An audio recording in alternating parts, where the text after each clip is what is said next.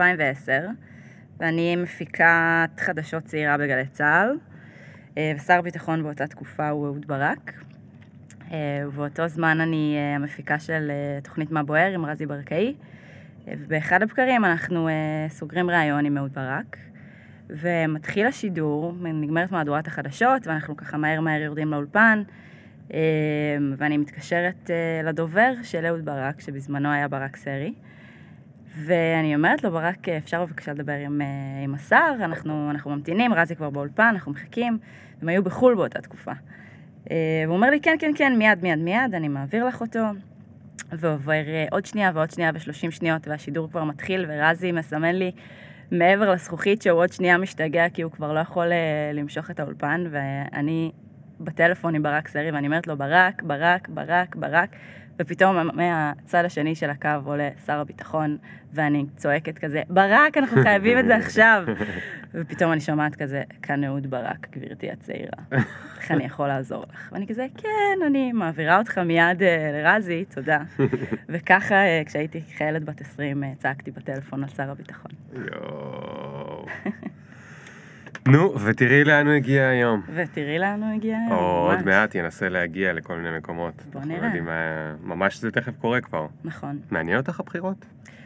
אמ, בתור גל"צניקית לשעבר? כן, כן, מאוד קשה אמ, להדחיק את חיידק החדשות, אני חייבת להגיד. זה, זה טבוע בנו, בסופו של דבר. ומה זה, בוקר, ערב, צהריים, כאילו פעם בכמה שעות, או שזה רק בוקר לא, נגיד? אז היום, אז היום אני כבר לא news addict ברמה הזאת, אבל אני כן חייבת להיות מעודכנת ולדעת, ואני כזה ב- קוראת מה קורה בטוויטר, וקוראת מה קורה באתרים, ואני מאוד עוקבת אחרי, אחרי העניינים, אבל, אה, אבל מרחוק, אבל זה, זה אוקיי, טוב. אוקיי. טוב, אז אה, הדר סבג, בואי נ, נ, נ, נקרא לך בשמך. אה, אני מאוד רוצה לדעת איך הגעת מהפקת חדשות בגלי צה"ל לאיפה שאת נמצאת היום, שזה מנהלת תרבות גלובלית או משהו כזה באורקל, נכון. ומה זה בכלל המקצוע הזה לעזאזל, איך הגעת אליו, האם יש עוד ממנו במקומות אחרים, או שהמציאו אותו בשבילך או בשביל הארגון, אה, ובכלל היה לך מסע די מעניין אה, שהתחיל בגיל מאוד מאוד אה, יחסית צעיר, אז תספרי על כל זה. בטח, סבבה? טוב. אז נתחיל בעוד שנייה.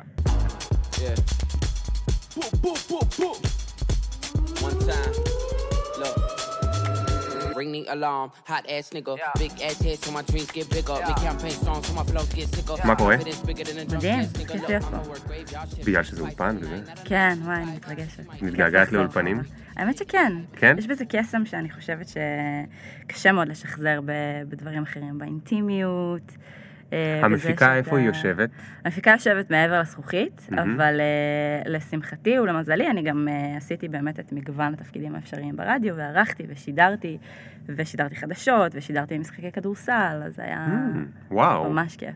שידרת משחקי כדורסל. כן, כן, הייתי כזה לתקופה בדסק הספורט, וואו. אה, והיינו כזה בימי חמישי, נוסעים להיכל נוקיה, ומשדרים את מכבי תל אביב עם ביורוליג. ניב רסקין? כאילו, עם מי מי אז היה אה, ניב שידר בטלוויזיה, אה, ואנחנו שידרנו לרדיו. זה היה בזמנו. עם טל שורר, שהיה מנטור שלי, וממש ככה גידל אותי לתוך העולם הזה.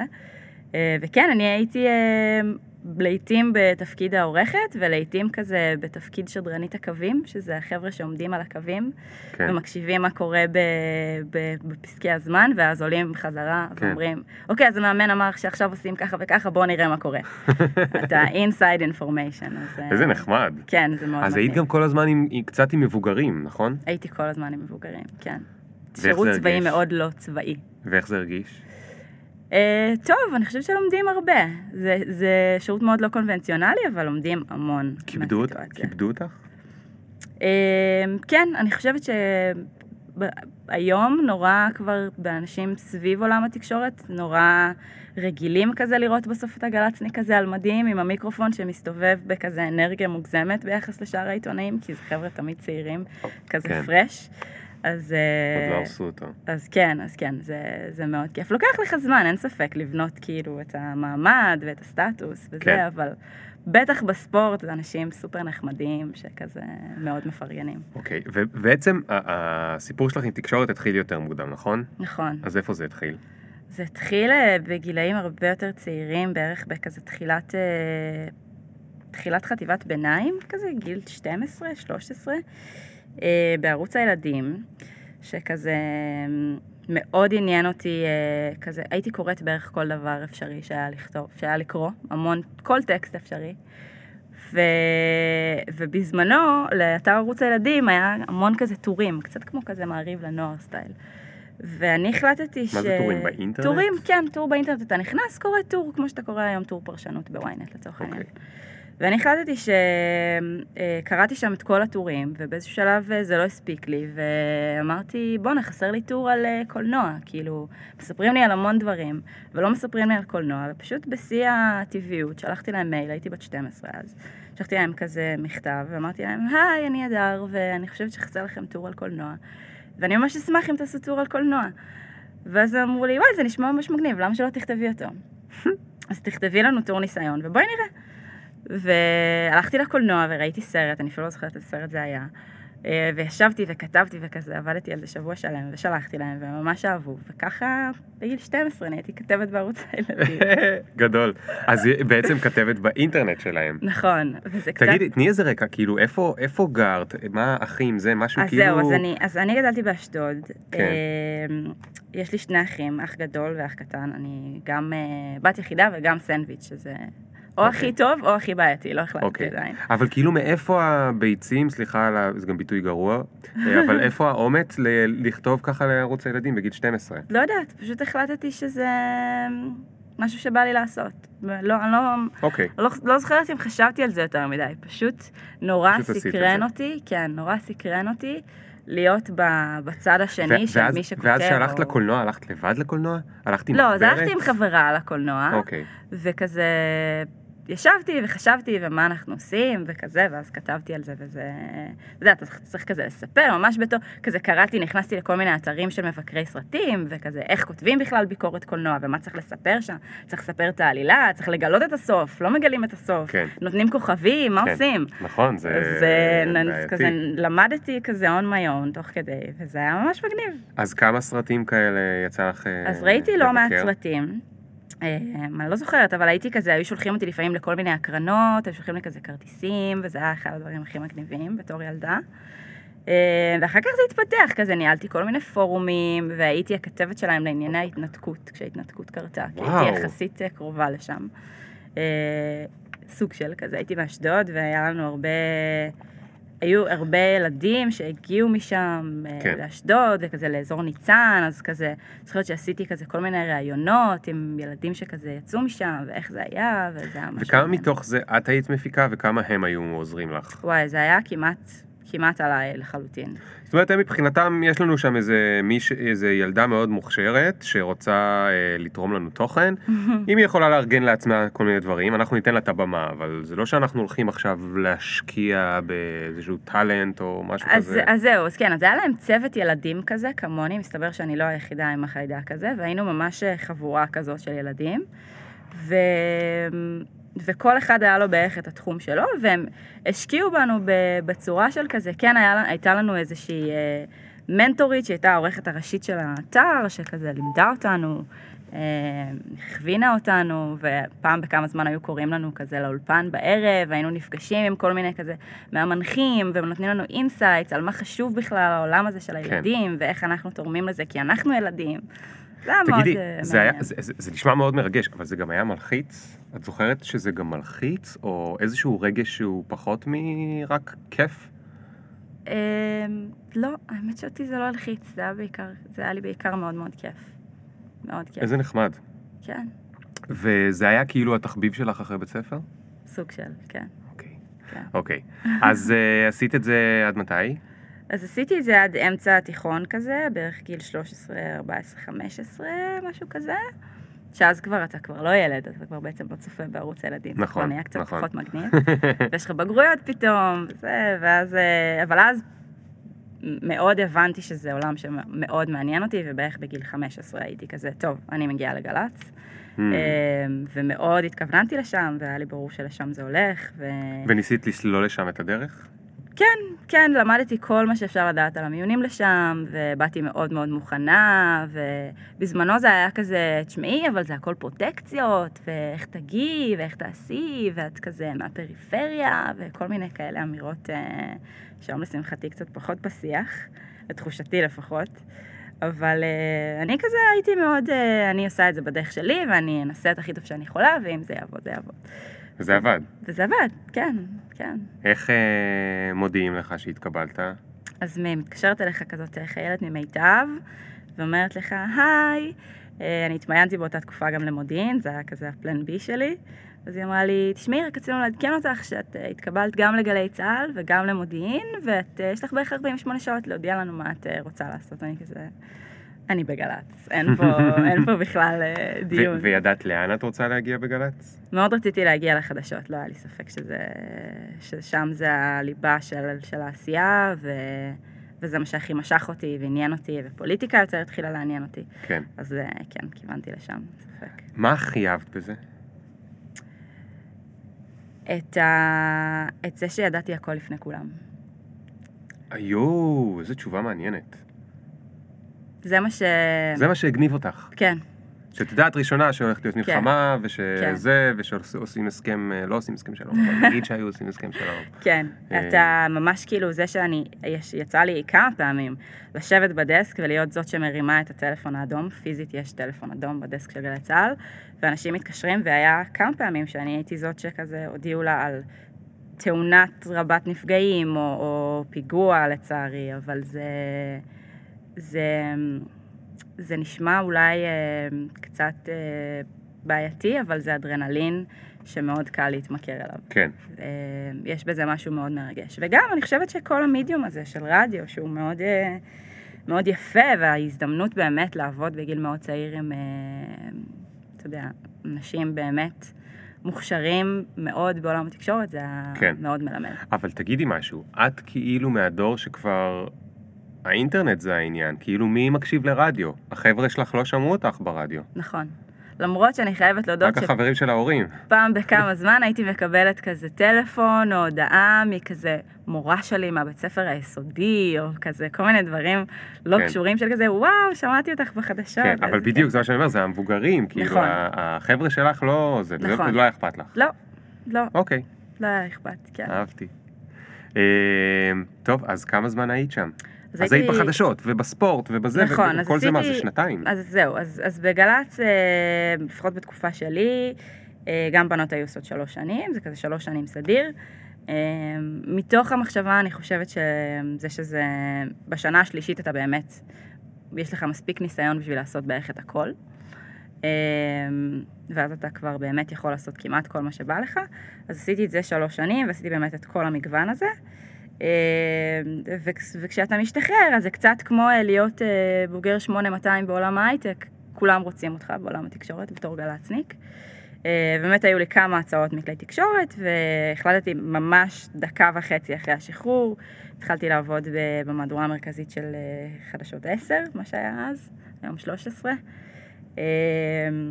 וזהו, וכזה נורא עניין אותי לעבור לטלוויזיה ואיך משלבים פתאום אה, סאונד, תמונה בתוך הסאונד, כי פתאום כל הדבר כן. הזה לא היה. ו- ומה עושים, ואיך עושים, ולעבוד במערכת הרבה time. יותר גדולה.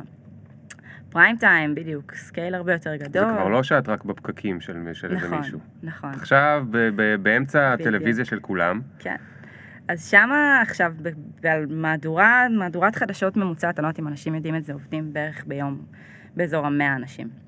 וואו. כדי להרים אה, תוכנית של שעה. אז זה, זה מערכת מטורפת שדורשת המון המון תיאום והמון עבודה. לצורך העניין, על הליינאפ, שזה סדר הדברים של, של המהדורה אה, היום, התחילו לעבוד אתמול. ואז זה נשמע מוזר, כי כזה, למה שאתה, איך, איך אתה יכול לחשוב מה יהיה בחדשות מחר, נכון? כן. אתה לא יודע. אבל uh, יש מגזין, ויש uh, דברים שהם כזה מסביב, וצריך לחשוב כן. על מה ידברו מחר, ולהיות מוכן לזה, כן. ולהתכונן, כן. ולדבר עם הכתבים, ולחשוב כל הזמן על הזוויות. ו... בית ספר מאוד אני מאוד טוב. תמיד זה שכאילו הנושא שלו, שאם מזמינים אותי לדבר, אז זה תמיד כאילו חשוב אבל לא דחוף. אז תמיד אומרים לי, תשמע, אולי זה וזה, ואז אומרים, טוב, בסוף אה, איזה רבי אמר איזה משהו, אז מורידים אותך, כי צריך להכניס את האייטם של הזה. ככה הרבה מאוד פעמים, אני חושב 80 אחוז מהפעמים, נדחקים החוצה. אה, זה נדחק החוצה בשביל. איזושהי ידיעה. זאת אומרת, אתם מכינים כאילו פול, אבל אז נכון. מגיעות החדשות האמיתיות, נכון. ודברים נדחקים החוצה. נכון, נכון. כמעט תמיד יש, זה גם קורה ברדיו, כמעט תמיד אתה מכין אה, אקסטרה, או שאתה מכין משהו מלא, וכמעט תמיד קורה משהו, תוך כדי. ואת היית זאת שמתקשרת ומתאמת עם האנשים שהולכים להעלות אותם, ועל מה הולכים לדבר איתם, בין? השאר, כן. ועושים את התחקירים? כן, בין השאר. ואז כאילו להגיד להם שהם בסוף לא מגיעים, אז אה, בטח אה, לא נתנו לך, זה היה... היה... אז כן, זה או שזה אני, או שזה לפעמים, ה- כן, אנשים אחרים, אבל אה, אני חושבת שמה שהיה יותר קשה זה לשכנע את אלה שלא רוצים להתראיין, לה- להסביר להם למה זה חשוב שהם יתראיינו. אז עשית את זה? בוודאי, חלק מה... נו, תשכנעי אותי למה. להתראיין. תלוי על מה אנחנו מדברים, אבל תשמע, יש, נגיד פוליטיקאי, אם הוא רוצה לדבר, הוא ידבר, הוא לא רוצה לדבר, קלוש מאוד, שאלא כן. אם כן, אתה יודע, היו פעמים שכזה כן. שלפנו את אה, נשק יום הדין ורזי התקשר בעצמו. כן. קורה.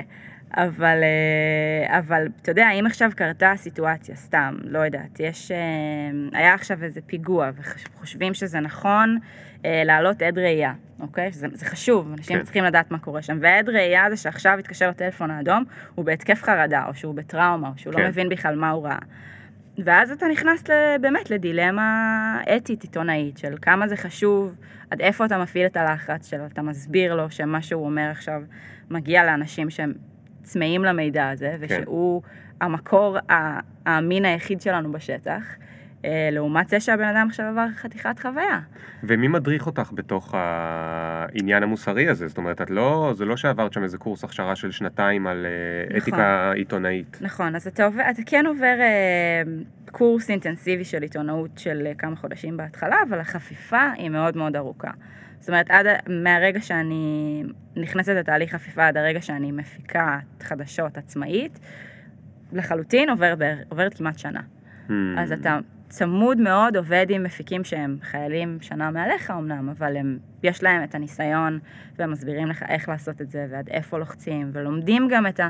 להקשיב לצד השני, איפה כן. זה מתאים, איפה זה פחות מתאים. כן. מאוד מעניין. אז אה, נשמע שצריך הרבה מאוד אינטליגנציה רגשית. כן. היה, היה לך איזשהו מקרה שכאילו יצא שהצטערת עליו? אני זוכרת שאחד המקרים הראשונים שלי, שהיו לי ממש קשים, אה, זה היה ממש יחסית בהתחלה שלי, אבל אה, ביקשו ממני להתקשר לרונה רמון ולבקש ממנה לעלות לדבר, וזה היה ממש חודש אחרי שאסף נהרג. אה, ופשוט לא רציתי לעשות את זה. כאילו, לא, לא הצלחתי להביא את עצמי למצב שאני מתקשרת לאישה הזאת, ואחרי כל מה, ש... כל מה שקרה, ו... ומנסה לשכנע אותה לדבר ברדיו, זה הרגיש לי, זה היה לי מאוד מאוד קשה, ו... ולא ויתרו לי. אמרו לי, that's the job, ו... והרמתי לה טלפון, ודיברנו, והיא הייתה אישה מדהימה ומאוד מאוד נחמדה, והיא גם יודעת שתמיד כשאומרים גלי צה"ל, אז זה כזה חיילים, אז היא, כן. היה לה כזה פינה חמה בלב לזה, אבל היא סרבה בנימוס כמובן, וזה מסוג הדברים שאתה פשוט לא לוחץ, אתה מציע, ואם זה כן, אז כן, ואם זה כן. לא, אז לא.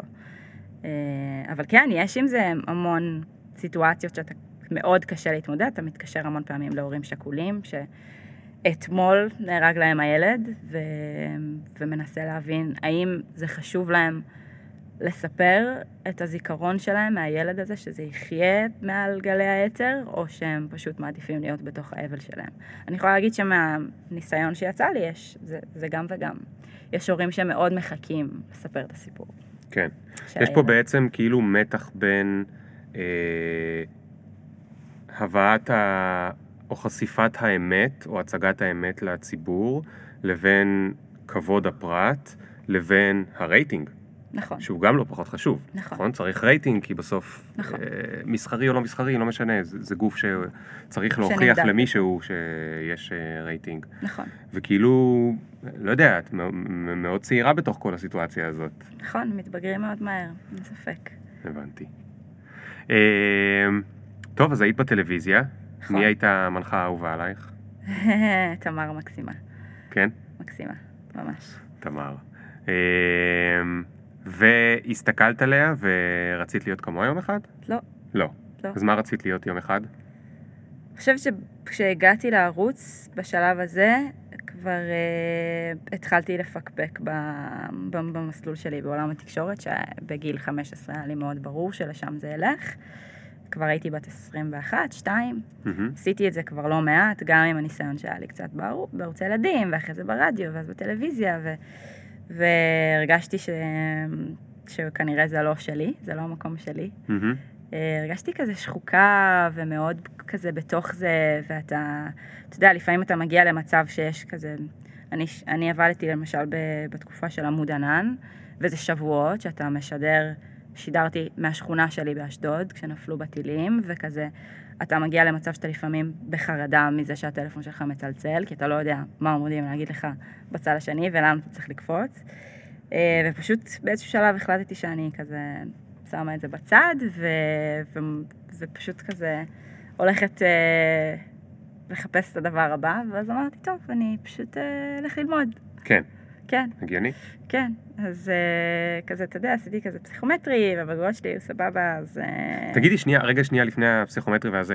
באותו זמן, החבר'ה שלך, כן. מהבית ספר או לא יודע וזה, היו, היו לך חבר'ה עוד כן. מהבית ספר? כן. או שכולם היו מהעולם החדש שלך? היו היו לי לך חבר'ה, חבר'ה. היו לי חבר'ה מהבית ספר. ואתם כאילו הייתם במקום מאוד שונה, לא? נכון. כי הם הלכו בטח במסלול של, את יודעת, להתבגר בקצב הנורמלי, ואת כאילו, שמו אותך עם אה, נכון, שידור פיגועים וכל מיני דברים כאלה. נכון, נכון. אז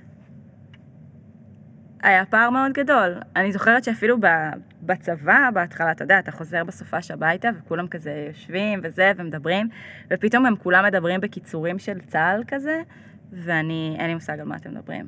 אני לא, ב, לא הייתי בז'רגון בכלל של השפה הצה"לית, כן. שזה היה מאוד מוזר, כי את גם בצבא. אבל אה, בשלב שכבר הייתי בערוץ, כן, אתה יודע, רוב החברים שלי היו כזה, או נכנסו לקבע, או היו בדרום אמריקה. זה כן. בערך ה... שתי האופציות. וכן, זה יוצר איזשהו דיסוננס בינך לבין החברים של... שלך. אבל זה גם נכנס לתוך המחשבות שלך על עצמך? אה, כן, כן, באיזשהו מקום אתה מרגיש מאוד מבודל, אני חושבת. אה, וכן, כן, זה, זה, זה, שם אותך, זה שם אותי במקום א', הרגשתי שכזה, מין כפו על ההתבגרות מאוד מאוד מהירה, לתוך העולם האמיתי, או העולם המבוגר מהמם. כזה, שצריך לקבל החלטות אה, קשות. אה, ומצד שני, אתה יודע, זה גם היה תמיד לחזור הביתה, וכזה, אני כזה, הבן אדם עם הסיפורים המגניבים. טוב, תספרי לנו מה, מה היה השבוע בטלוויזיה, נו מה, עם מי ישבת, כל הסלבס וזה, אתה יודע, כן. לחברים שלי זה היה נראה מאוד, אה, כן. מאוד מגניב בעיקר. אז, אה, אז זה גם היה. אוקיי, אז מה החלטת ללמוד?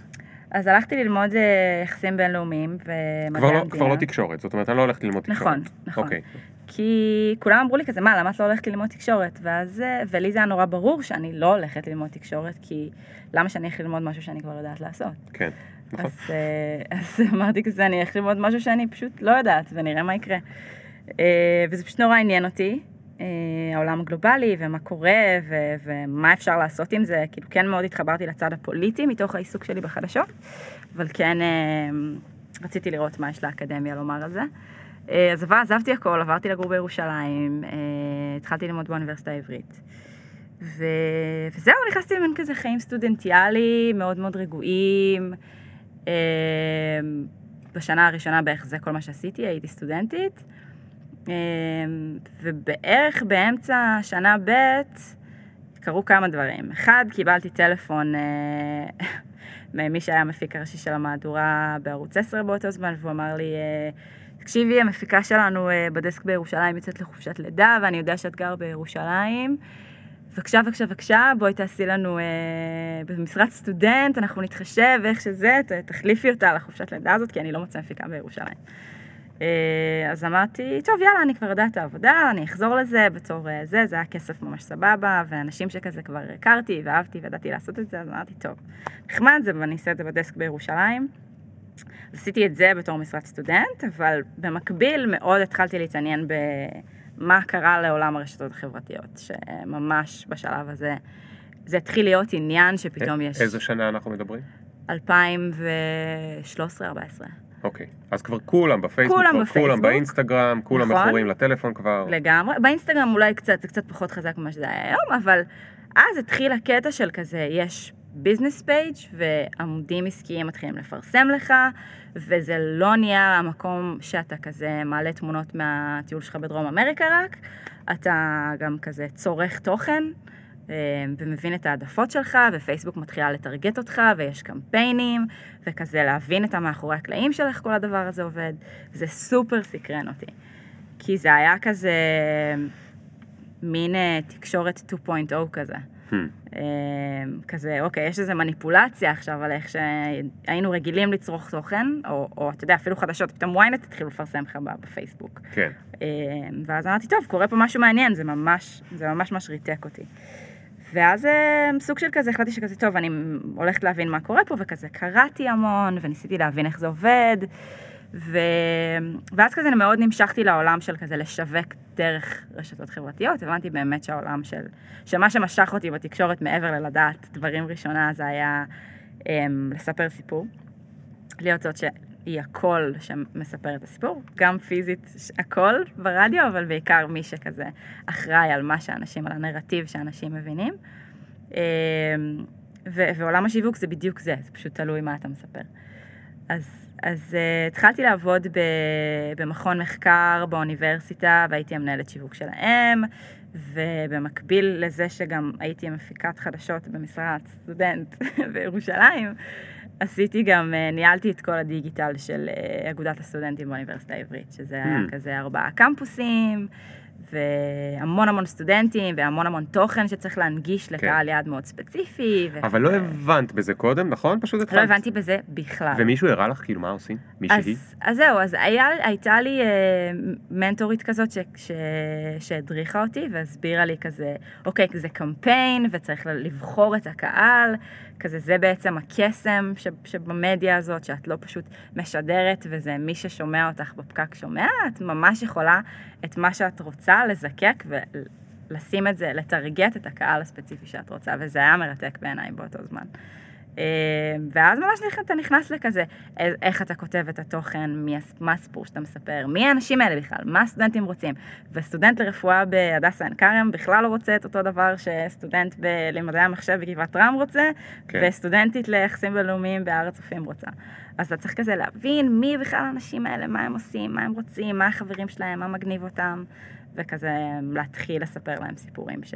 שיעניין אותם לשמוע. אז את גם יצרת. את הסיפורים, כן, וגם עשית את העבודה הטכנית של מי שומע איזה סיפור. נכון, כלומר, למי מקדמים איזה סיפור, איפה נכון. בפייסבוק שלו. נכון. זה הכל היה פייסבוק, נכון? כן, היה לנו כזה, אתה יודע, היה לנו אתר אינטרנט שלנו, וכזה ערוץ יוטיוב, והמון דברים שהם כזה, אתה יודע, חומרים מרקטיאליים, אתה יודע, אתה מחלק פליירים בקמפוס, כל מיני דברים. כזה, אבל, אה, אבל עיקר העבודה שלי הייתה באמת בפייסבוק, ולהיכנס... עכשיו, לייצר. סיפור זה אומר טקסט? זה אומר טקסט, זה אומר אה, הק- הקופי של הקמפיין, מה זה הקמפיין הזה, מה הוא אומר, קריאייטיב, גרפיקה, אם זה וידאו, אם זה, אתה יודע, רק תמונה, איך עושים את זה, לפייסבוק יש כל מיני חוקים של מה אתה יכול לקדם, מה לא, אה, הכל, הכל, הכל, הכל, ממש, כל החבילה. ולשבת ולחשוב ולטרגט ולמצוא את הקמפיין ולעשות אופטימיזציה אחרי ותוך כדי. ואם פתאום אתה רואה שיש לך כזה מלא לייקים כזה מתל אביב, אז עשית משהו לא בסדר, כי אני לא רוצה לדבר עם אנשים מתל אביב כן. אתה מבין? אז uh, להבין שפתאום פייסבוק נותן לך את הכלי הזה, זה, זה מאוד מגניב, לנסות uh, כזה. ללמוד את זה as you go, זה היה ממש ועשית את זה עד סוף הלימודים? אז עשיתי את זה עד סוף הלימודים, כן. אה, סיימתי את התואר, ואז אה, עברתי לנהל את, אה, את הדיגיטל. בעצם עשיתי בערך את אותו דבר, אבל עשיתי את זה לעיריית ירושלים. עברתי כזה ממש למגזר ציבורי, קיבלתי את כל הדף, אה, את כל הנכסים הדיגיטליים של עיריית ירושלים, וממש כזה היה צריך להיות מגניב בתור עירייה. אתגר לא פשוט כשלעצמו. רגע, אז את היית כאילו במגזר ה... לא יודע איך קוראים לו, איפה גלי צה"ל נמצאים, זה נחשב מגזר ציבורי? לא משנה, היית אה, בעולם שירות ההוא, צבאי, כן, הייתי בעולם התקשורת. ואז עברת לעולם קצת יותר מסחרי, נכון, קצת, כי זה בכל זאת אוניברסיטה, אבל אה, זה, נכון, ועכשיו פתאום את במגזר הציבורי, נכון. ושם אני חייב לשאול שוב את השאלה, את... אה, אה, אישה מאוד צעירה, נכון. וזה בכלל שינה למישהו? אה, כן, בהתחלה היו המון אה, כזה, אתה יודע, לא, לא... היו המון הטלות ספק, בוא נקרא לזה. כי כזה, גם האנשים, אתה יודע, רוב האנשים שעבדתי איתם, אני פתאום יושבת עם אה, מנהלי מחלקות, אנשים שעושים את זה, לא יודעת, מנהלי אגפים, זה כזה אנשים בעירייה, זה הם בני 50 בממוצע. אני יושבת בישיבות עם ניר ברקת, שהוא סופר פתוח ומבין את הדברים האלה, כי הוא בא מעולם ההייטק, אבל הוא לא חי את זה. ואז הם פשוט אומרים לי, אוקיי, איך את יודעת שזה מה שצריך לעשות? אתה יודע, מין כזה, כן. מאיפה את יודעת? אה, ואתה צריך לה, לה, להסביר שאתה יודע. כאילו, שעשיתי את זה, שאני מבינה, שאני קוראת כל הזמן, שאני מבינה את המוצר, שאני רואה לאן זה הולך. יצא שהעליבו אותך? אה, יצא שכזה לא חשבו שזה יצליח. כאילו, שמין כזה ניסו, ניסו להטיל ספק בזה עוד לפני שזה קרה. ואמרו לי כזה, לא נראה לי שתעשה את הדבר הנכון. כאילו, ואז, ואז תמיד כשאמ, כשאמרו לי את זה, אמרתי כזה, אוקיי, אבל זה התפקיד שלי, אתם הבאתם אותי כדי לעשות את זה, בואו ניתן לזה צ'אנס. זה היופי בפייסבוק, זה לא עובד, אפשר לשנות. כן, זה כן. לא שעכשיו שמתי את המודעה הזאת על הקיר, והיא שם לעוד שבועיים. אבל וזהו. מאיפה היה לך את הביטחון הזה? זאת אומרת, יש שם איזשהו... זה, מה שהרגע ענית, זה, זה תשובה שמגיעה מהרבה, אה, נקרא לזה, בסיס יציב. נכון. להבין שאולי זה יעבוד ואולי לא, זה משהו שהוא מאוד מתקדם. אה, אה, אז הנה אני יושב ומטיל ספק, כמו שאחרים הטילו בך ספק סתם. אני לא מטיל ספק, אבל אני חייב להבין מאיפה היה לך את זה, כי זה, זה תובנה מדהימה. ואגב, בתקשורת זה, זה, זה לא כזה ככה, כי כאילו זה נכון. הכל ב-live. נכון. והכל חייב להצליח ב-live על הדקה. נכון. אז בתקשורת זה באמת שונה ו- ואחר, אבל אני חושבת שאני לא יודעת להגיד לך איפה בדיוק כזה התובנה הזאת הכתה בי, אבל אני חושבת שיחסית בגיל די צעיר, וזה באמת מלווה אותי עד היום,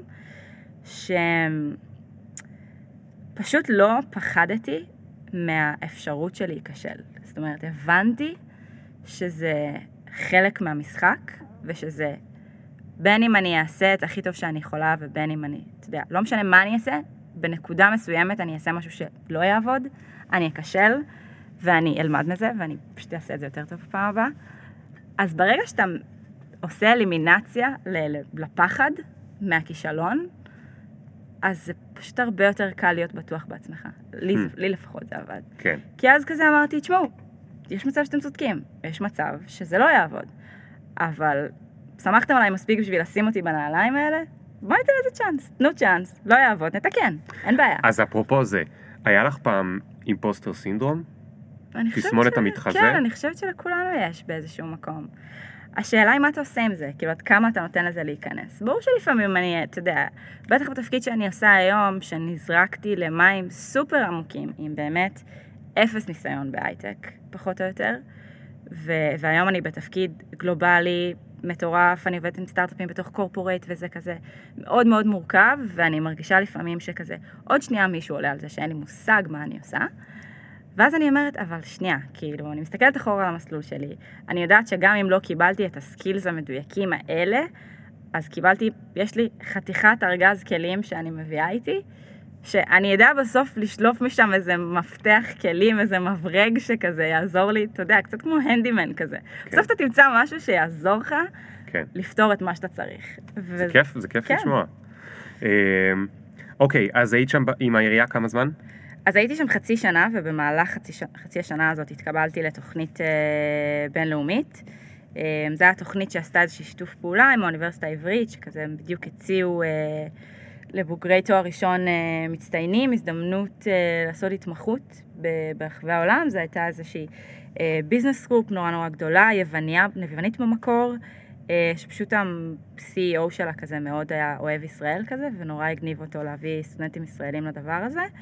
אה, אז התקבלתי לתוכנית הזאת, אה, ועברתי לגור בניו יורק, ונסעתי לעשות להיות intern ב-marketing, ב-headquarters של החברה הזאת, אה, ממש בלב מנהטן. וזהו, ברגע ש... מה זו החברה הזאת? אז החברה זו, זו חברה שנקראת Libra Group, זה ממש business group מאוד מאוד גדולה, של איזה בחור יווני מאוד מוצלח, שהיה לו הרבה נכסים, והוא הקים את החברה הזאת, שבעצם יש לה המון חברות בת בכל מיני תחומים, זה היה מכזה נדל"ן, לאנרגיה ירוקה, למלונאות, לכזה, היה לה המון חברות בת שהתעסקו במלא מלא דברים, וכזה, כל ה-business group הזאת הייתה שייכת לבן אדם הזה, והוא אוקיי. החליט שהוא... ואת היית ב... היה להם marketing ב-headquarters, נכון. שעשה marketing לכל החברות האלה? כן, ואני ספציפית, המשימות שנתנו לי לעשות היה ספציפית עם, עם, ה, עם, המלונא, עם המלונאות שלהם. מלונאות. כן. שזה הנה שוב תחום שאת לא מבינה בו כלום. בכלל, ואין לי מושג, אבל... עכשיו תגידי רגע, מה זה היה אומר, מה זה היה אומר להיות אה, מתמחה? נתנו לך לעשות משהו בפועל יותר מלסדר איזה אקסל? כן, כן, כן, כן. אז קודם כל זו תוכנית אה, ממש אה, בתנאים מאוד מאוד טובים, fully paid בדולרים, כולל ויזת עבודה וכל המסביב. אה, אבל כן, נתנו לי אומנם לעשות את הדברים שהם אה, מצריכים יותר עבודות שחורות, אבל לא הלכתי להדפיס דברים כל היום. זאת אומרת, הייתי צריכה לשבת על, אה, אתה יודע, על ה-Google insights של ה... של ה לא משנה מה שזה היה, מלונאות, ואני הייתי צריכה לייצר את ה-deck של ה-marketing, את המצגת של ה-marketing שהולכת ל-board כל חודש. דווקא תפקיד ממש חשוב. חתיכת תפקיד, נכון? כן. עכשיו ברור שכאילו עברו על זה ותיקנו אותי ועשו, אבל אני הייתי הבן אדם שיצר את המצגת הזאת. ולצורך העניין, הפרויקט הכי גדול שעשיתי שם זה שהם הלכו לאיזשהו פרויקט של מיתוג מחדש. אה, והם פשוט מיתגו מחדש את כל הדבר הזה, ואני הייתי הבן אדם שריכז את כל האופציות, איך עושים, מה עושים. הבאתי הצעה, זאת אומרת, אני תעדפתי את ההצעות ואמרתי, אוקיי, אני חושבת שזה מה שמתאים. כי הם כן חיפשו אנשים שיש להם איזשהו רקע בשיווק. זאת אומרת, אתה לא clueless לחלוטין ומלמדים אותך את ה-basic של אה, זה, אלא ממש אנשים שכבר יש להם איזשהו ניסיון, והם, וזה זה ווין ווין לשני הצדדים. אתה לומד על סביבה גלובלית, ואתה עובד בצור, אתה יודע, בסקייל הרבה יותר רחב, מצד אחד, ומצד שני הם מרוויחים אנשים סקרנים מכל העולם, כן. אה, רעבים, שזה ממש חשוב, אה, שעושים עבודה טובה בסוף. תגידי, אפרופו רעבים, אה, כמה קשה עובדים בניו יורק? עובדים קשה, אבל אה, לא כמו פה. אני לא אגיד שבחמש נופל העיפרון, אבל יש work-life balance מאוד ברור. כן? כן. אתה מגיע, אתה עושה את העבודה שלך, ואתה מסיים במתי שזה לא יהיה, בחמש וחצי, בשש, שש וחצי, אה, ואתה פשוט הולך הביתה, וזהו, והעבודה נשארת בעבודה, ואלא אם כן קורה איזה משהו, אבל... כן. אה, או אם אתה בתחום התקשורת. כן, אם אתה בתחום התקשורת אז אתה חי את העבודה ואין לך מה לעשות עם זה, כן. אבל, אה, אבל כן, יש work-life balance מאוד ברור, ואתה, ואתה מוצא את עצמך באפי האוורים, בכל מיני rooftopים, במנהטן בקטע קבוע, ואתה מתרגל לזה, וזה נחמד, ואז עכשיו את שם בפסגת ה... כן. על ה-rooftop, איפה, איזה rooftop ספציפית אהבת? וואי, מלא. אה, אחד האהובים עליי אה, זה rooftop שנקרא Mr. Purple, אם יוצא לך בניו יורק, ממליצה בחום, אה, זה ב-Lower East Side, אה, על הגג של מלון אינדיגו. יש שם אה, נוף מרהיב, 360 של כל ניו יורק, ובגלל שזה כזה יחסית מהלמטה של העיר, אתה ממש רואה Hmm. את כל מנהטן all the way up, וגשר ברוקלין הוא כזה ממש מאחוריך, ויש בריכה, ויש בר, וזה כזה מאוד... אה, וואו. מאוד ואיך הרגשת שהניו יורקרים?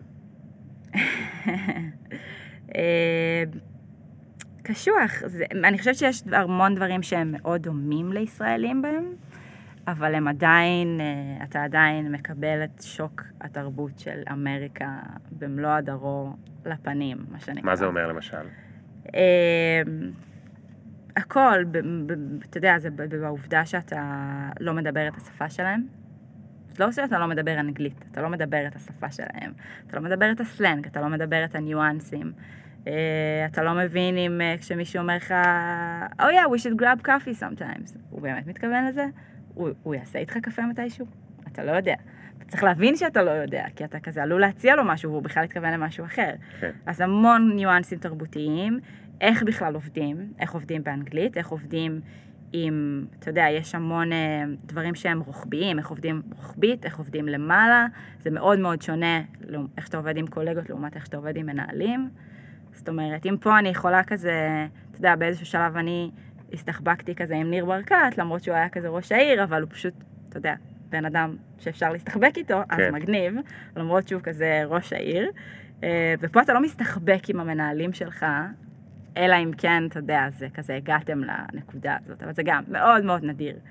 אה, אז יש כללים מאוד ברורים שצריך ללמוד, ו... איך לשחק אותם, ויש המון תסכול, כי אתה גם פתאום מהגר, ואתה כזה מתמודד עם אה, מה עושים עם כזה, אתה יודע, דירה וחשבונות. מה עושים עם כביסה? וכזה כביסה, ואז אתה הולך ללונדרי כזה למטה, עם, עם שק כזה של כביסה, ומכבסים לך, וזה עולה מלא כסף. אה, או שיש לך כזה מכבסה בבייסמנט, במרתף של הבניין, אם יש לך אחלה בניין, אבל כזה, אתה, אתה לומד להכיר וכזה, אתה לומד להבין מתי עולים על הסאבווי ומתי לא, ואיך, ואיפה יוצאים, וכזה, לומדים את החיים שם, וזה... הייתה לך שם חוויה קשה? הייתה לי, אני חושבת שזאת אחת, זאת בי פאר אחת השנים היפות בחיי, שנה שהעברתי שם. אה, אבל כן, ברור שיש קשיים, אני חושבת שזה מאוד תלוי ב... לי, למזלי הרב מאוד, הייתה אה, חבורת ישראלים שבאמת הפכו למשפחה שלי שם, שכזה הכרנו, מי כזה ישראלי שמכיר עוד ישראלי שמכיר עוד ישראלי, בארוחת שישי ישראלית כזאת, מסוג הדברים שרק ישראלים יעשו. אבל כן, זאת אומרת, אם לא היה לי אותם אז היה לי הרבה יותר קשה, ובלי קשר לזה זה מאוד קשה, כי אתה מרגיש, אה, אתה יודע, לפעמים אתה בא הביתה ואתה רק רוצה לדבר בעברית עם מישהו, כן. ברמה הזאת. אתה רוצה כזה להיות מסוגל לבטא את עצמך כמו שאתה רגיל. אה, אבל כן, אתה יודע, אתה מטייל מלא, וכזה מוצא את עצמך באירועים, באיזה אירוע פתאום בקומה החמישים ברוקפלר סנטר, עם כזה מלא אנשים בחליפות, וזה סופר מגניב, ואתה כזה קולט איפה אתה ומה קורה עם החיים שלך, וזה זה ממש מגניב, אין ספק.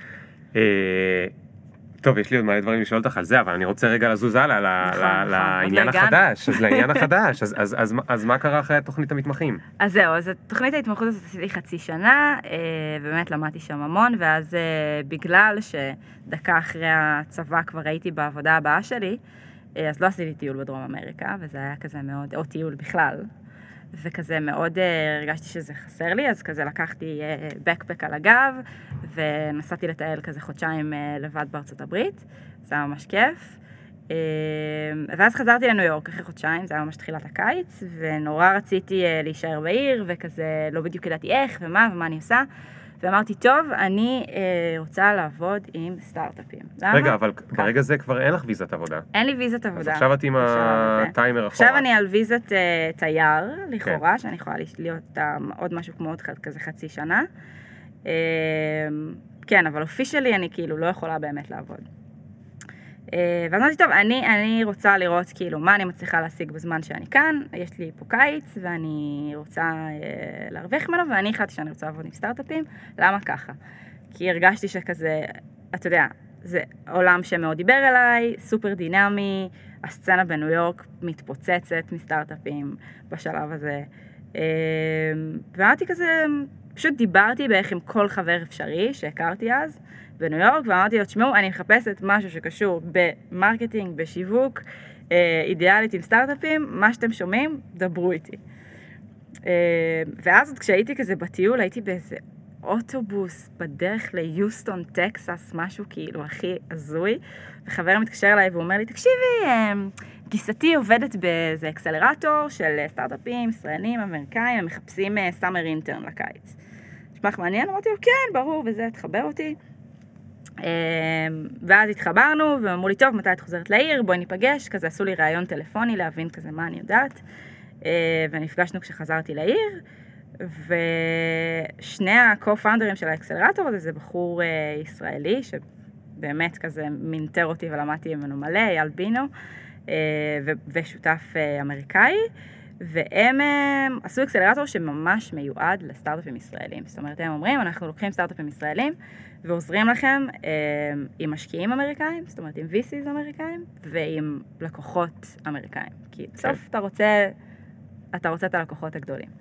אה, אז, אני- אז הם אמרו לי, טוב, תשמעי, בואי כזה זה, אנחנו עוד אין לך ויזה, בואי נראה מה קורה, אולי בעתיד אנחנו נצליח כזה למצוא לזה פתרון, בואי בינתיים כזה, תבואי, ת, תהיי פה כזה סאמר אינטרן, אין לנו איך לשלם לך, אם זה מעניין אותך, בכיף.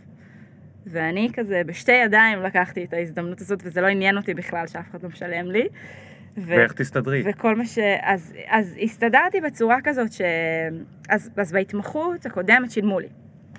אז נורא חישבתי את זה וניסיתי להבין איך כזה אני משאירה קצת כסף בצד, וגם באתי עם אה, חיסכון יפה של כאילו מתקופה כזה הסטודנטיאלית שהם הקבלתי איזה ארבע עבודות, אז כזה היה לי, היה לי קצת חסכונות, ואמרתי, על זה אני שורפת אותם, ואני כזה עושה קיץ בניו יורק, וחיה, ועובדת עם סטארט-אפים, ונראה מה יקרה.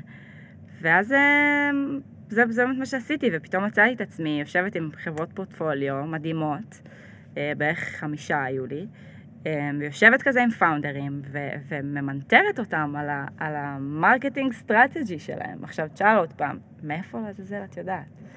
אבל הייתי כזה, טוב, תשמעו, בואו כזה, ת, ת, מה, איפה אתם? מה קורה? יש לכם בכלל אסטרטגיה בשיווק, ל marketing, מה אתם עושים? ואז הגעתי למצב, אתה יודע, רוב החברות אומרות לך, תשמעי, יש לנו דף בלינקדאין, ויש לי עמוד בטוויטר, ויש לי דף בפייסבוק, אה, ויש לי כזה אתר שאני לא לגמרי סגור על מה יש שם חוץ מאת הדמו, אה, וזהו, וכזה, מה יש לך בעמודים האלה בסושיאל? כלום. אז אמרתי לו, אתה מבין שבשנייה שאתה יוצא מישיבת משקיעים, המשקיע הזה הולך הביתה ומחפש אותך בגוגל ונכנס לך לדף, ואם הוא רואה שאין שם כלום, אז אתה איבדת את המשקיע הזה באותה שנייה. ואז מה עשינו בזה? ואז הם כזה, וואו. אוקיי, סבבה. ואז, ואז התחלנו לעבוד על זה, ואז מצאתי את עצמי, אתה יודע, מי כזה ממש לשבת איתם על הוואן פייג'רים שלהם, ועל uh, איך אתה מספר את הסיפור למשקיע הזה שאתה פוגש איתו.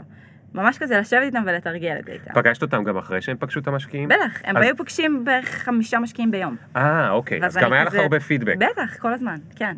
והיינו הולכים לפעמים, אתה יודע, לכזה, כל מיני מיטאפים, או כל מיני כזה פיץ' סשנס כאלה, שאתה יודע, שמעתי את אותו פיץ' כזה בפעם השלושים, ואז אתה כבר יודע להגיד, טוב, פה היית ממש חד, את זה שיפרת מעולה, אתה ממש כזה חי את זה ביחד mm, איתם. מגניב. זה היה ממש מגניב. ובאמת כזה, אתה יודע, עזרתי להם המון עם הסושיאל, שזה כזה היה, אתה יודע, הלחם והחמאה שלי כבר בשלב הזה, כיסיתי את זה המון. והבנתי את החשיבות של זה, אבל ממש גם ברמה של, אני זוכרת שהיה איזה אחת מהחב, מהחברות, שממש לקחתי, היה להם one pager, שפשוט כל מה שהוא דיבר היה כזה סלנג של מתכנתים, כזה, אתה יודע, כזה, ה-AI הזה עושה פונקציה כזאת, של כזה, ואני כזה, אין לנו, אתה לא יודע, מה זה? הוא לא מדבר את השפה הזאת. מה, מה הוא אמור לעשות עם זה? פשוט כזה לקחנו את זה, וממש כזה שינינו את זה, אתה יודע, לשפה של בני אדם, והסברנו כזה מה הדבר הזה עושה, ואיך זה מקנברט לך יוזרים, ב, אתה יודע, ב-80 אחוז אה, יותר מהר, ובעלויות של 20 אחוז פחות, כאילו אתה מדבר דברים שאנשים נורמליים מבינים, בלי כן. כזה שפה של מתכנתים. לפעמים הם שוכחים את זה, כי באמת לא באים משם ואין להם את ה... הזמן או את היכולת, או לפעמים את ההבנה להתעסק בזה. הרבה מהזמן שלך גם בתקשורת אה, עזר לך לזכור איך מנגישים דברים כאילו נכון, לציבור. נכון, בדיוק בגלל זה מתחבר לשאלה הקודמת, שכזה, איך לא פחדת להגיד שאת יודעת מה את יודעת לעשות. באיזשהו שלב הבנתי שכזה מלא דברים שעשיתי בעבר הובילו אותי לנקודה שבה גם אם בחיים שלי לא עבדתי עם סטארט-אפ, אני יכולה להבין מה הוא צריך, כן. ולעזור לו להגיע לשם. כן. אוקיי, okay, and then? And then, אה, וואי, זה ממש אה, כזה התגלגל בצורה כזאת אה, מוזרה. אבל אז, אני בניו יורק בקיץ, יום אחד אני מקבלת טלפון אה, מראש הסגל של אה, ניר ברקת בזמנו, והם אומרים לי, תשמעי, אנחנו מגיעים, אה, ניר וכזה כמה מה... ניר ברקת וכמה מהפמליה שלו מגיעים לאיזה ביקור בניו יורק, אנחנו רוצים לפגוש אתכם, יש מצב שאת מפנה איזה חצי שעה. אז כן, יאללה, מגניב, כאילו, לא התראינו מלא זמן, בואו נתעדכן וזה. מגיעה, פוגשת את uh, מי שהייתה אז ראש הסגל שלו, מיכל שלם, והיא אומרת לי, אה, תשמעי, אני יודעת שאת עוד פה, אבל uh, יש לי הצעה בשבילך, ואני רוצה שתחזרי לנהל את uh, כל אגף השיווק של עיריית ירושלים. כל אגף השיווק? כן. זה גדול. זה ענק, זה ממש גדול. ו- וכזה, אתה יודע, ואז היא כזה שאלה אותי את השאלה הקלאסית של כזה, זה התחיל בכזה, תגידי לי, מה את רוצה להיות כשתהיי גדולה? כן. איפה תהיי בעוד עשר שנים? כן, ואז אמרתי לה, תשמעי, אני לא יודעת להגיד לך בדיוק, אבל אני בטוח אעשה משהו שאני אוהבת. מין כזה... אמרה לי, אוקיי, מה את אוהבת לעשות? אז הסברתי לה כזה מה אני עושה עכשיו, ולמה כזה שיווק מאוד מעניין אותי. אמרת לה, אני מילניאל, אם לא הבנת. כן, אני כזה, אנחנו מחליפים עבודה כל שנתיים, זה מה שאנחנו עושים.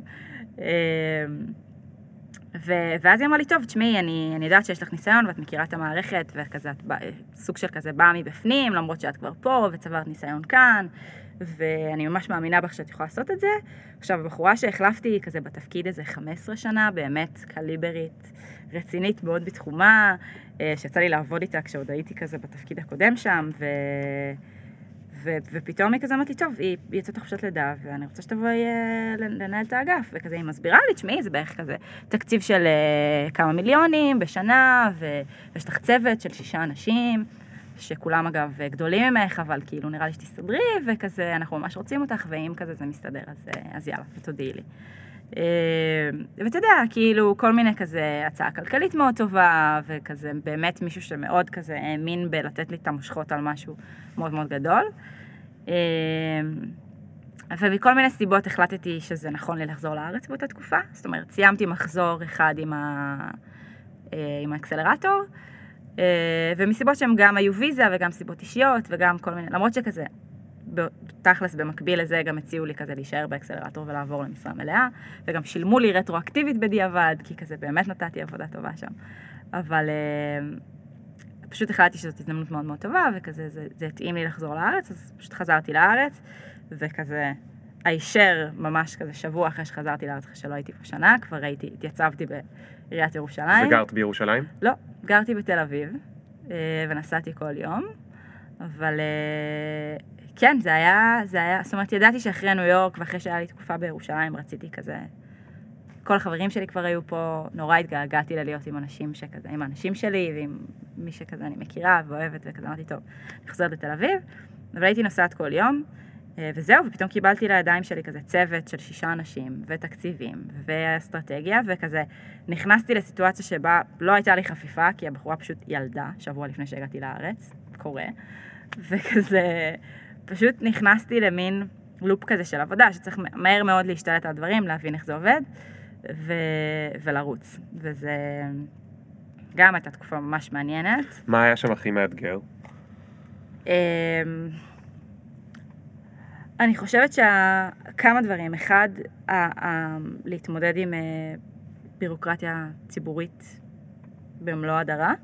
כזה, אתה יודע, איך עוברים מכרזים, ושאתה צריך לעבור כל מיני ועדות, ואתה צריך לשבת עם המנכ"ל ולהצדיק כל דבר שאתה עושה, ולהסביר את הערך הציבורי של זה, ולמה משקיעים בזה כסף, וכאילו, שיווק זה גם משהו מאוד, בסוף, יחסית לא מדיד. זה לא כמו שאתה אומר, אוקיי, אני עכשיו אה, משקיע בכזה, אני מקבל ארנונה, אני שם אותה ב... לא יודעת מה, אני בונה בית ספר, זה הגיוני. עכשיו שאתה משווק, אז אתה כזה, אני לא יודע, כאילו, אני לא יודע, למה שאני אשים על זה, על הקמפיין הזה 200 אלף שקל ולא 20 אלף שקל, סתם, אני אומרת. כן. צריך, זה נורא קשה לגרום לאנשים שכזה מקבלים את ההחלטות או מעבירים את הכסף להאמין בזה.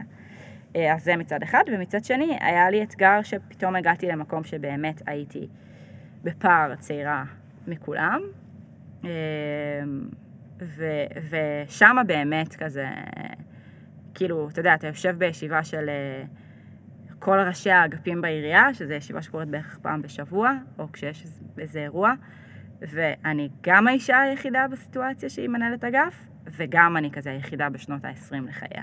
וכולם זה כזה, אתה יודע, 50 צפונה.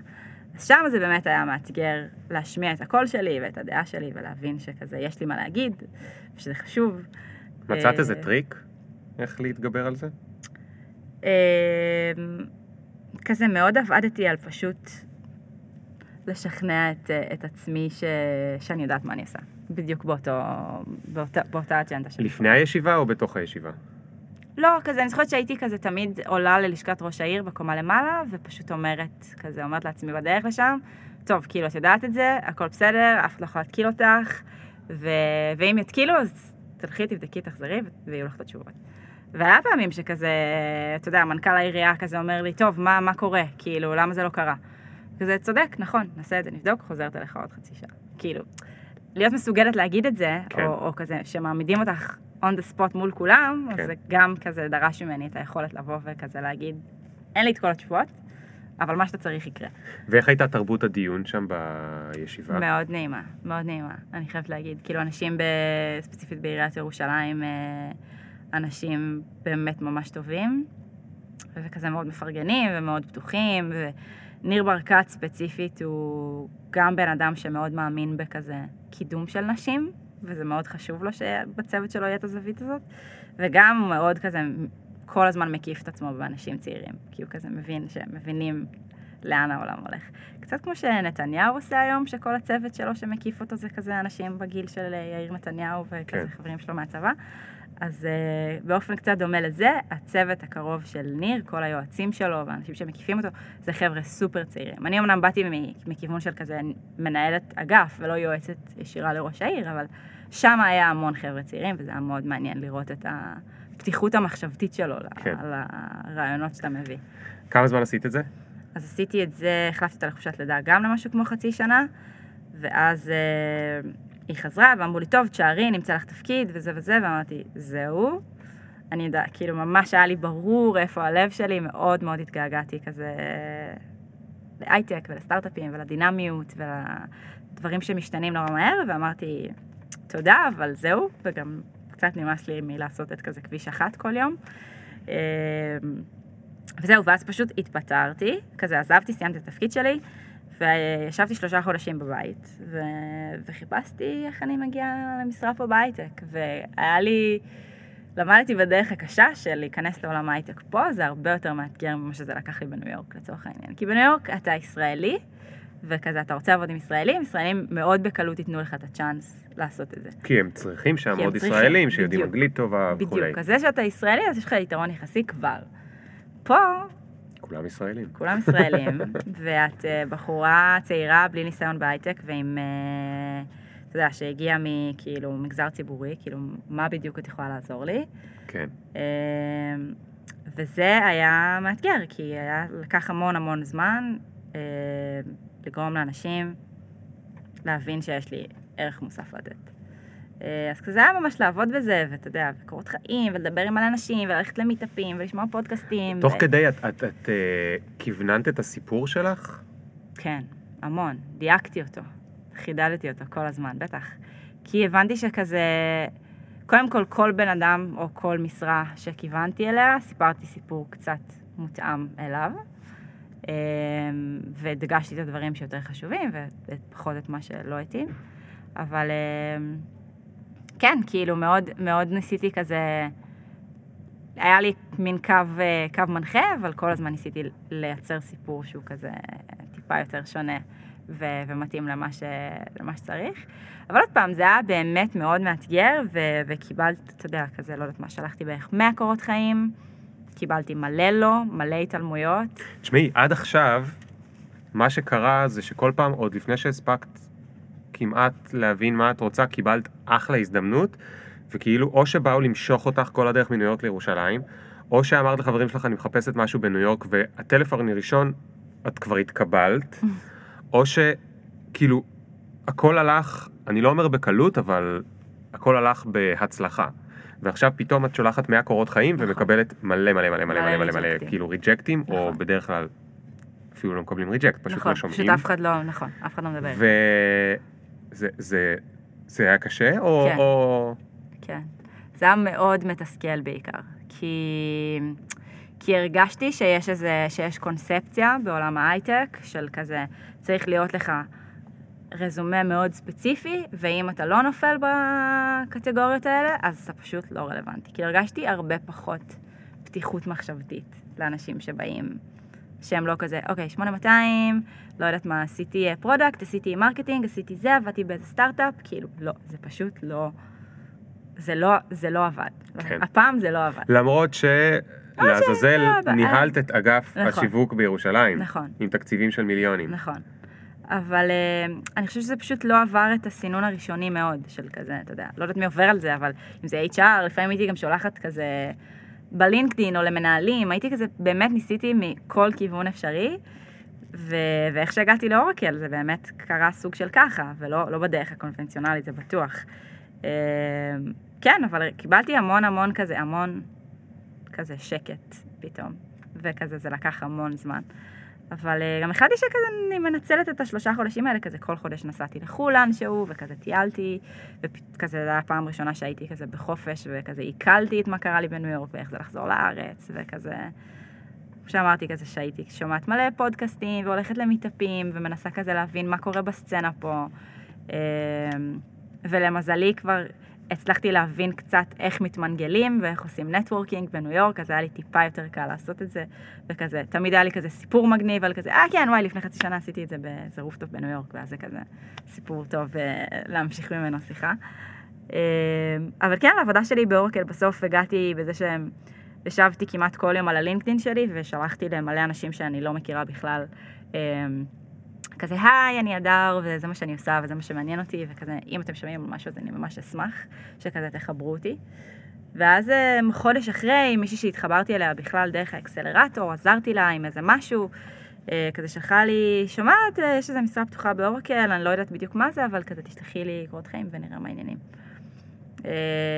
וכזה שלחתי לה, הם הגדירו את זה סוג של כזה community ו brand, ולא בדיוק היה ברור מה הם רוצים לעשות עם זה.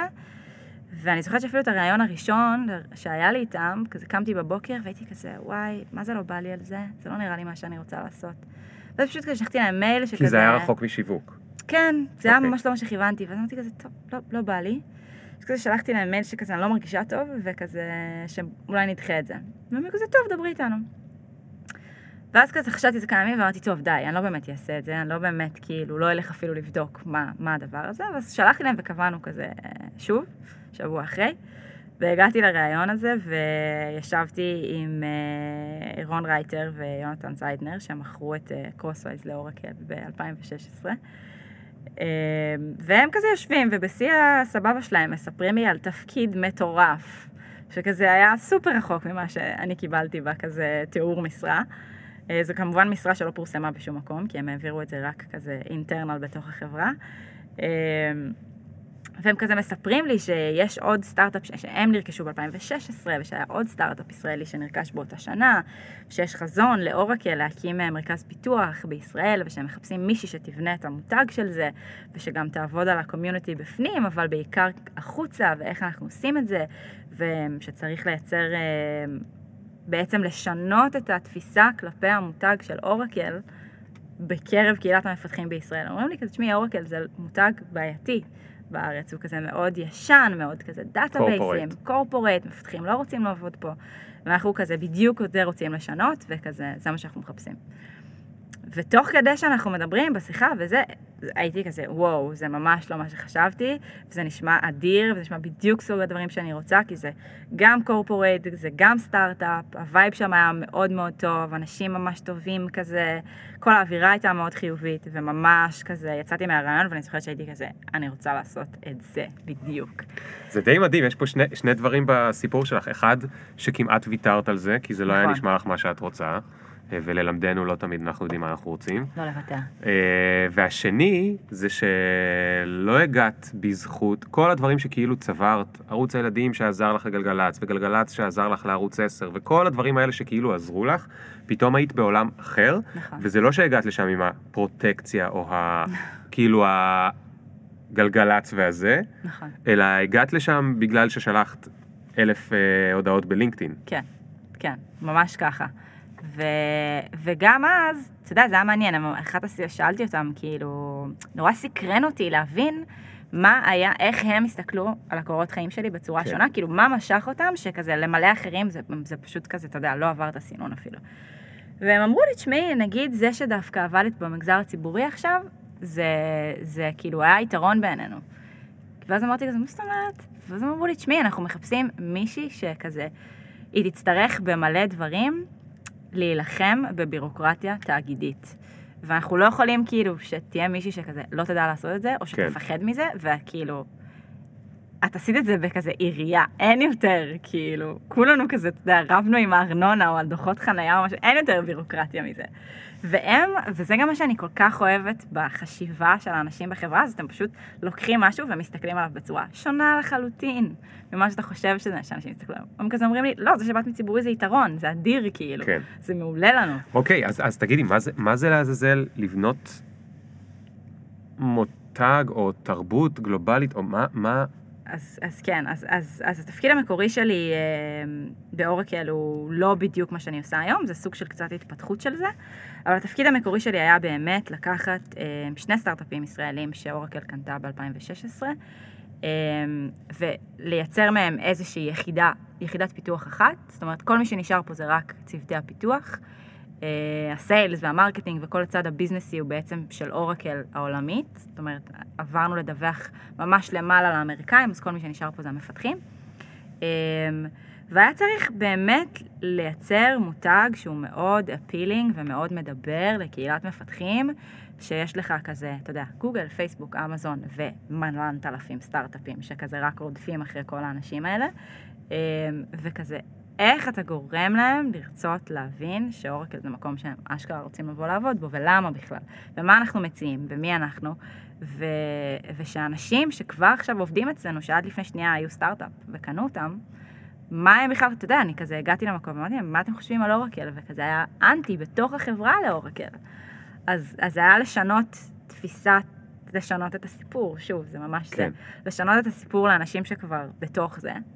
ו- ואיפה אתם עובדים עכשיו, ומה קרה לזהות שלכם בתור סטארט-אפ,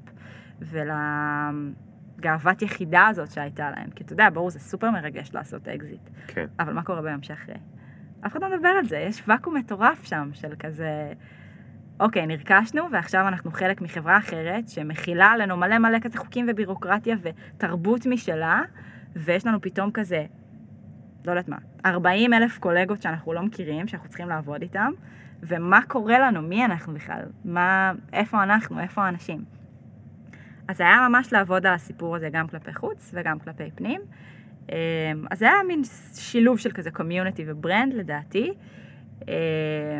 וזה גם היה המון חשיבה אסטרטגית, כי בהתחלה זה היה כזה, טוב, אז מה, אז אולי נעשה עמוד פייסבוק ונתחיל לדבר עם אנשים, אתה יודע, מאוד היה לי קל ללכת למקום שאני רגילה, כן. ולנסות לספר סיפור דרך שם. ואז אמרתי, ואז פשוט בחודש הראשון שהגעתי לשם, ממש עשיתי כזה ראיונות, עם כל, קצת כמו זה, עם, עם כל האנשים שבערך יכול כל ראשי צוותים, כמעט כל האנשים בחברה, ואמרתי להם כזה, ספרו לי מה קורה פה, כזה, מה עובד כאן, מה לא עובד כאן, מה מכעיס אתכם. כזה, אתם תביאו חברים שלכם לעבוד פה? אם לא, למה? אם כן, למה? מה, מה אתם צריכים שכאילו, מה הכי אהבתם בסטארט-אפ שלא קורה פה? מה אתם כן. אוהבים באורקל? ופשוט מתוך זה למנף משהו שהוא כזה מאוד הוליסטי ואחיד, ואת זה להוציא החוצה, מבין? ואז היה, זה, זה, מש, זה היה מין תהליך כזה של לנסות לאט לאט לאט לשנות לאנשים האלה את הדיסק על הסיפור שהם מספרים לעצמם, על איפה הם עובדים. אוקיי. אמ, וזה התגלגל בצורה כזאת שעשיתי את זה משהו כמו שמונה חודשים, אמ, ו... ואחרי כמה זמן פשוט נסעתי למשרד שלנו בוואלי עם אחד המנהלים, שגם כזה מבוסס על רכישה והוא מתמודד עם אתגרים די דומים לשלנו. אה, אז הוא אמר לי, בואי כזה ניסע, נראה איך אנחנו יכולים לעזור להם, ואז פגשנו כמה מהמנהלים הבכירים של וואלי זה החטיבה שם. סיליקון וואלי. כן, סיליקון וואלי, סליחה. אמ, ו... ואז פגשנו שם כמה מהמנהלים הבכירים בחטיבה, ובאמת, אובר לאנץ' בארוחת צהריים, הכי מקרי, הכי בטעות. כזה ישבנו וכזה, הוא אומר להם, אה כן וואי, תקשיבו איזה מגניב מה הדר כזה עשתה אצלנו בחצי שנה האחרונה, תראו איזה מגניב. ואז כזה סיפרתי להם, והם כזה ממש, אתה יודע, פתאום כזה נפתחו להם העיניים, והם אמרו לנו, טוב, זה ממש מעניין, את יכולה להכין לנו איזה מצגת כזה שמסבירה לנו מה עשית, עם כזה קצת נתונים וזה. ישבתי על המצגת הזאת, הכנתי אותה, אה, הצגתי אותה, זה היה אז ממש איזו פרזנטציה של איזה שעה שאתה מציג כזה בזום לאנשים, מרחוק, בשיחת וידאו. אה, וזה בדיעבד היה ראיון עבודה שלי לתפקיד שאני עושה אותו Mm. היום. כי אחריו הם פשוט אמרו לי, טוב, אה, זה מדהים, ובואי תעשי את זה גלובלי. והיום אני בעצם מנהלת התרבות הגלובלית של Oracle Data Cloud, שזו החטיבה שאנחנו עובדים בתוכה.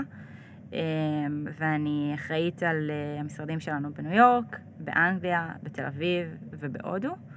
אה, וזה לצד אה, עוד כמה משרדים שיש לנו בארצות הברית, אבל בעיקר הרעיון הוא שכל החטיבה כולה מבוססת על רכישות של סטארט-אפים, אה, וזה בדיוק זה. זה מה קורה איתם ביום שאחרי, איך אנחנו עוזרים כן. להם להיות חלק מהאורקל, תגידי, הבעיות בהודו ובניו יורק הם אותו דבר?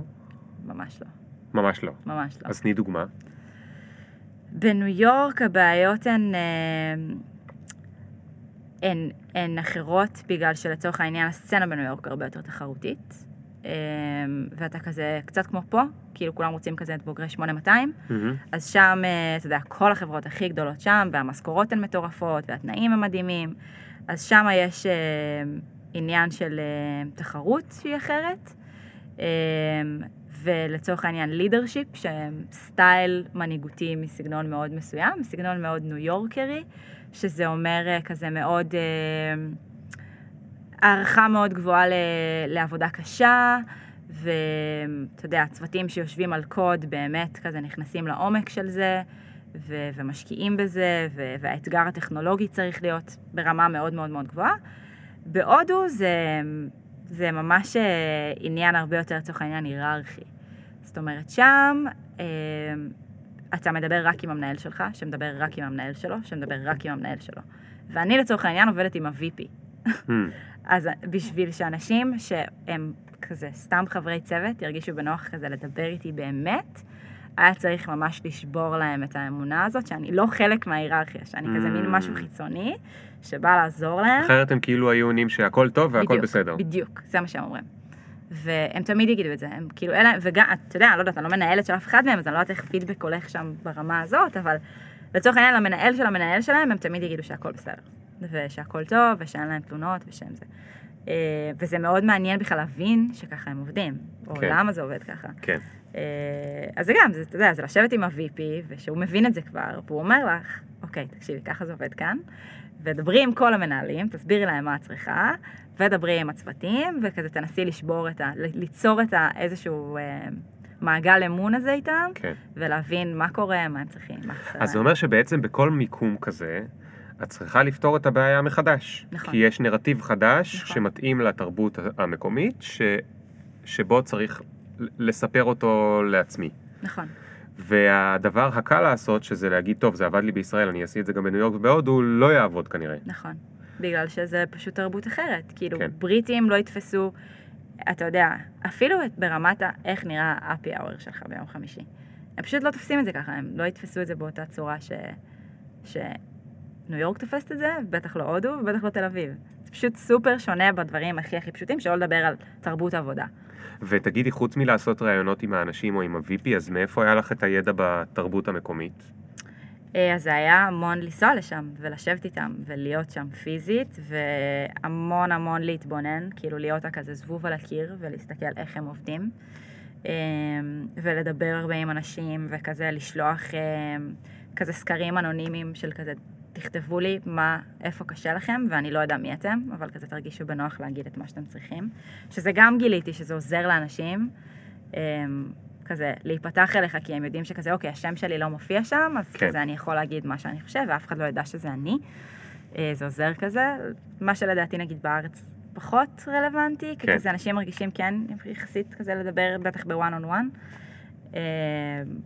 תגידי, כזה, יש דברים דומים בינינו לבינם. בין כל האנשים האלה? אז יש המון דברים דומים, כאילו בסוף החו- החוט שמקשר את כולם זה שבסוף הם עובדים למען אותה מטרה, מן הסתם, והם עובדים על מוצרים מאוד דומים, אז החוט הטכנולוגי שם. ברמה התרבותית, אמ, אני דווקא שואל לא ברמה התרבותית ביניהם לבין המנהלים, אלא ברמה כן. האישית. כשהם מסתכלים על העבודה שלהם, או על הקריירה שלהם, או על מסלול הקריירה שלהם, אבל אתה שואל כזה בין המשרדים, או בתוך המשרדים לא? פגשת אנשים בכל מיני מקומות, ואז כל האנשים האלה, אפשר להגיד שהם בסוף, זה אותו דבר כולנו בני אדם, או שממש יש, לכל, יש במיקומים אחרים יש מוטיבציות שונות, יש אה, מאוויים שונים? שאלה טובה. אני חושבת ש... קצת, קצת מהכל, כי בסוף ברור שכזה אתה רוצה, כולנו כזה רוצים את אותם דברים, וגם בטווחי המילניאל לפחות, אז כולם רוצים את המשמעות הזאת, וכולם רוצים שיהיה להם מעניין וטוב, אבל אתה כן רואה הבדלים אה, ב- במה שהוא הדלק, במה מניע אותם. אה, ו... או, או אתה יודע, מה גורם להם להישאר ולא לעזוב למקום אחר שמציע להם לפעמים יותר כסף, או יותר עניין, או, או לא משנה, תנאים יותר טובים. אמ, באינטראקציות התוך-צוותיות שלהם, אתה רואה המון דברים שהם שונים. זאת אומרת, איך הם מתקשרים עם הראש צוות שלהם, איך הם מתקשרים בתוך הצוות שלהם, כמה כזה, איך הם עוזרים אחד לשני. לא, אתה יכול להגיע למשרד שכזה, כל התקשורת בו תהיה בסלק, אפילו אם הוא יושב אחד ליד השני.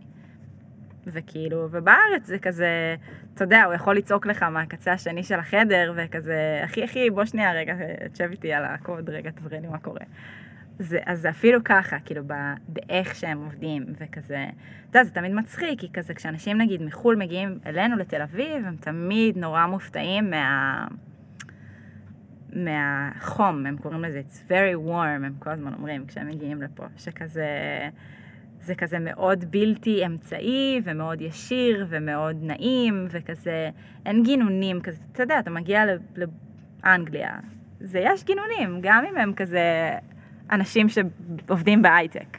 עדיין יש כזה, אתה יודע, הם שומרים, יש איזשהו נימוס, יש איזשהו זה. כן. הפעם היחידה שאתה כזה יכול להוציא אותם מהדבר הזה, זה כזה כשהם הולכים לפאב בסוף הערב, וכזה יושבים על הבירה שלהם, ואז אפשר כזה קצת לשבור את זה. אה, אז שם זה שונה. אבל תגידי, אנחנו כבר תכף אה, צריכים לסיים. יש לי. שאלה עם הנקודה האחרונה שהיינו בה. העולם הולך לעבור המון המון המון שינויים עכשיו. אני חושב שהרבה מאוד קורפורייטס, אפילו הרבה יותר גדולים מאורקל, ובטח כאלה שהם הרבה פחות הייטקיסטים מאורקל, הולכים לעבור אה, משברים מאוד גדולים. כי, כי חברות קטנות יעקפו אותם, כי סטארט-אפים יעקפו אותם, כי מצד שני קונגלומורטים כאלה כמו אמזון וזה לוקחים להם הרבה מאוד מהנתח. את חושבת, בהינתן הדברים שעשית בשנה האחרונה, ש... שיש להם סיכוי to adapt, ל- להסתגל ל... ל... לקורפורטס או לחברות? לקורפורטס, ל- להסתגל לתחרות לשינויים הזאת? המהירים, לתחרות המהירה, לעובדה הזאת, כי, כי את עכשיו, אני שואל בתור מישהי שמבינה כמה זה קשה לעשות את השינויים האלה. אני חושבת שאלו שישכילו להשקיע בזה משאבים, יצליחו.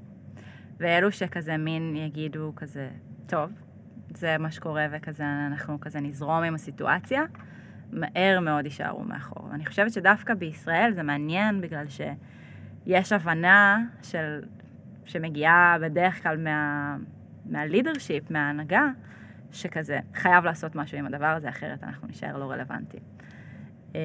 ואני חושבת שזה לאט לאט מחלחל, אבל שוב, תסתכל גם על הסיפור שלי. עד שאני לא באתי וסיפרתי על זה לחבורת מנהלים אמריקאים הזאת, זה לא היה להם בראש בכלל שצריך כן. לשים על זה בן אדם. ורק אחרי שאמרו, אוקיי, זה כבר עבד, יש לזה הוכחות, יש לזה תוצאות מוכחות, אז נשים על זה משהו ואוקיי, נראה. אבל מי שנתן לזה צ'אנס זה החבר'ה הישראלים פה שאמרו, צריך לפתוח תקן לדבר הזה ולשים על זה מישהו שישקיע בזה. כן. אז אני חושבת שזה פחות משנה לדעתי אם אתה קורפורט או סטארט-אפ, אם יש לך 200 עובדים, 400 או 2,000 או 20 אלף. אם אתה מבין שאתה צריך להשקיע בהיבט הזה, אז תצליח להישאר רלוונטי, ותצליח כזה... שוב, אתה צריך לספר סיפור שיהיה מספיק טוב. אמ, אבל אם אתה תשקיע בזה משאבים ותקציבים ואנשים, ויהיה לך אכפת שהתרבות הארגונית שלך היא חלק מהותי ממה שאתה מייצר, ולאו דווקא אה, תוצאות, תוצאות, תוצאות, כסף, כסף, כסף, מכירות, מכירות, מכירות, איך אנחנו מגיעים כזה לגיוס הבא, ללקוח הבא, לסיבוב הבא, אז אה, אלא לפרק את זה ולהבין שזה כזה תהליך לטווח ארוך, ולשים שם את המאמצים, אז אני חושבת שזה... שבטוח הם יצליחו, כי בסוף, תחשוב על כמות המשאבים שיש לגוגל, או לפייסבוק. וסטארט-אפ, מה שהוא לא יעשה, הוא לא יצליח להתחרות בזה. אבל אם סטארט-אפ שם שם בן אדם, ופה הם שמים כזה מחלקה גלובלית, אז אתה יודע, אז הפערים הם כאילו כן. מטורפים. טוב, אדר, זה היה מסע מרתק. ניתן לך את השאלה האחרונה המשותפת. את טסה במטוס, והקברניט מודיע, אה, שלום שלום, אה, נשארו לכם ארבע דקות, אנחנו הולכים להתנגש בסלע ענק. אה, נשארו לך ארבע דקות לחשוב עם עצמך, ואז את חושבת, איזה באסה שלא הספקתי, לעשות מה? איזה באסה שלא הספקתי אמ, לטייל יותר. אמ, זה מספיק, את יכולה אחד. אבל בא לי כמה.